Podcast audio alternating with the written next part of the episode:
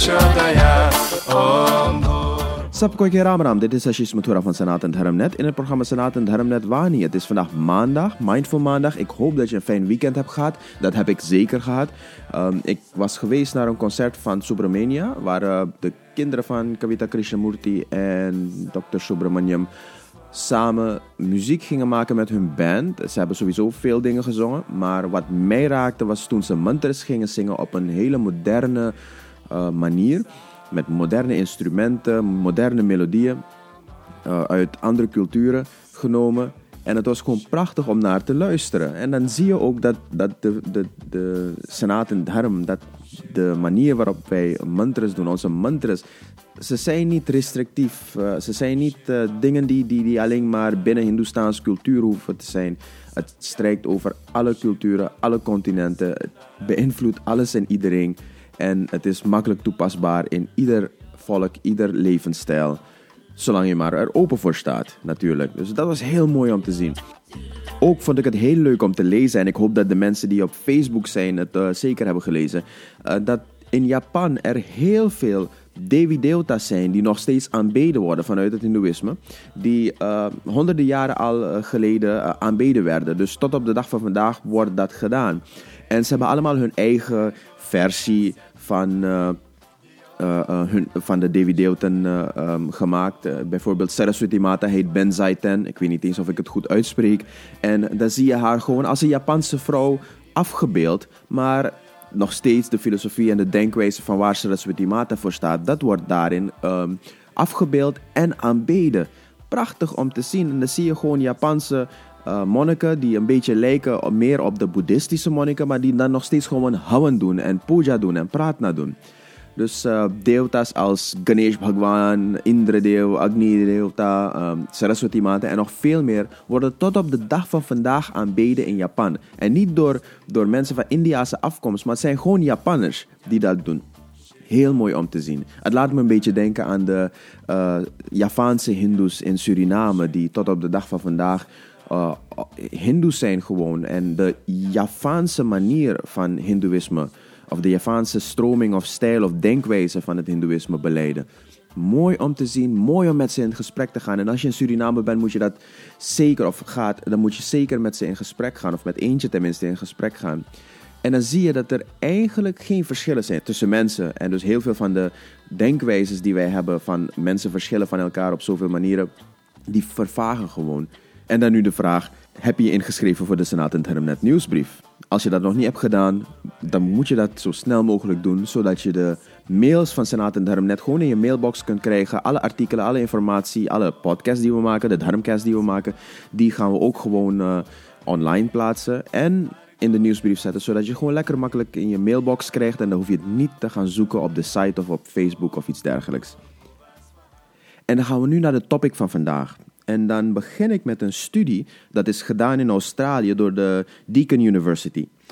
Waar ze hebben onderzocht hoe de levensstijl en de denkwijze van mensen invloed heeft op ze op latere leeftijd. Vooral wanneer ouderdomsgebreken komen.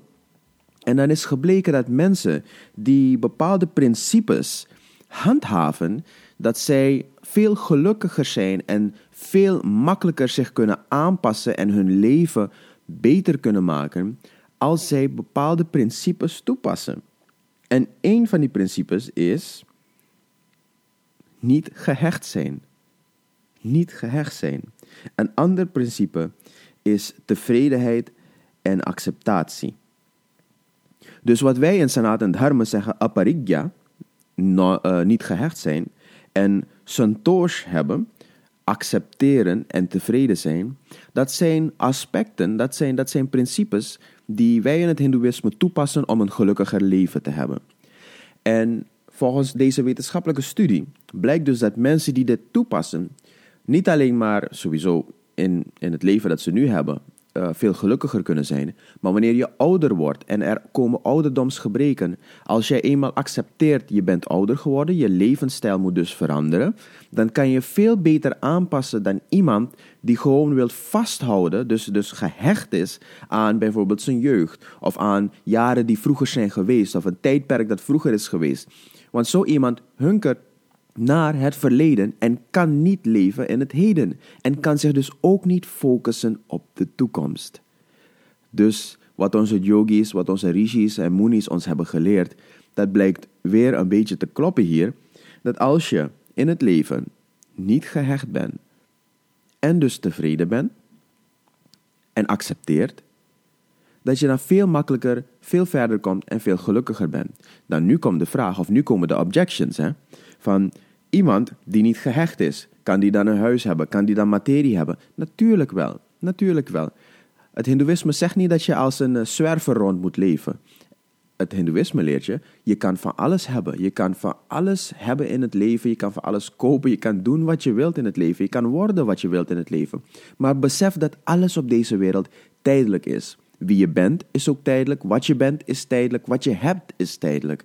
En dus, als je gehecht bent aan het tijdelijke, dan hangt jouw geluk af van iets dat vergankelijk is. Dat, van iets dat binnenkort gaat ophouden te bestaan. En dat is de bron van heel veel ongeluk. Dus, heb wat je wilt, word wat je wilt, ben wie je wilt, maar besef dat alles tijdelijk is. En dan ook acceptatie, hè? santosh, acceptatie en tevredenheid. Hoe ga je daarmee om? Want wat veel mensen dan zeggen als, als, uh, als uh, objection hiertegen, is ja, als je dus tevreden bent met je leven, betekent je hoeft niks te doen met je leven. Dus iemand die uh, tevreden is dat hij een zwerver is, bijvoorbeeld, die hoeft dan niets te veranderen van zijn leven. Nee, Sanatan Dharma zegt dat niet. Je hoort te groeien in het leven. Je hoort gelukkiger te zijn. Als jij gelukkiger gaat worden door te veranderen, door jezelf te verbeteren, door jezelf te versterken, door jezelf te verrijken, dan moet je dat zeker doen. Maar wees tevreden met wie je bent, met wat je bent en wat je hebt nu op dit moment. Dat is een goede basis om van daaruit weer verder te groeien.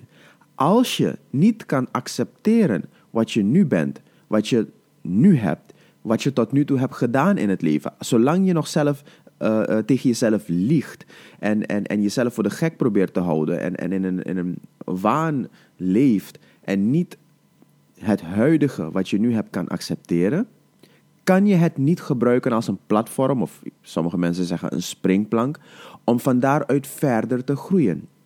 Dus accepteer wat je hebt, accepteer wie je bent, accepteer waar je nu bent in het leven en ga van daaruit verder om te groeien.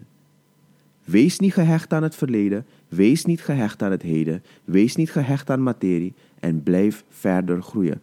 Onze rishis en munis hebben ons geleerd dat de mensen die deze principes toepassen in hun leven veel gelukkiger leven en veel verder kunnen komen op uh, spiritueel vlak, maar ook op materieel vlak.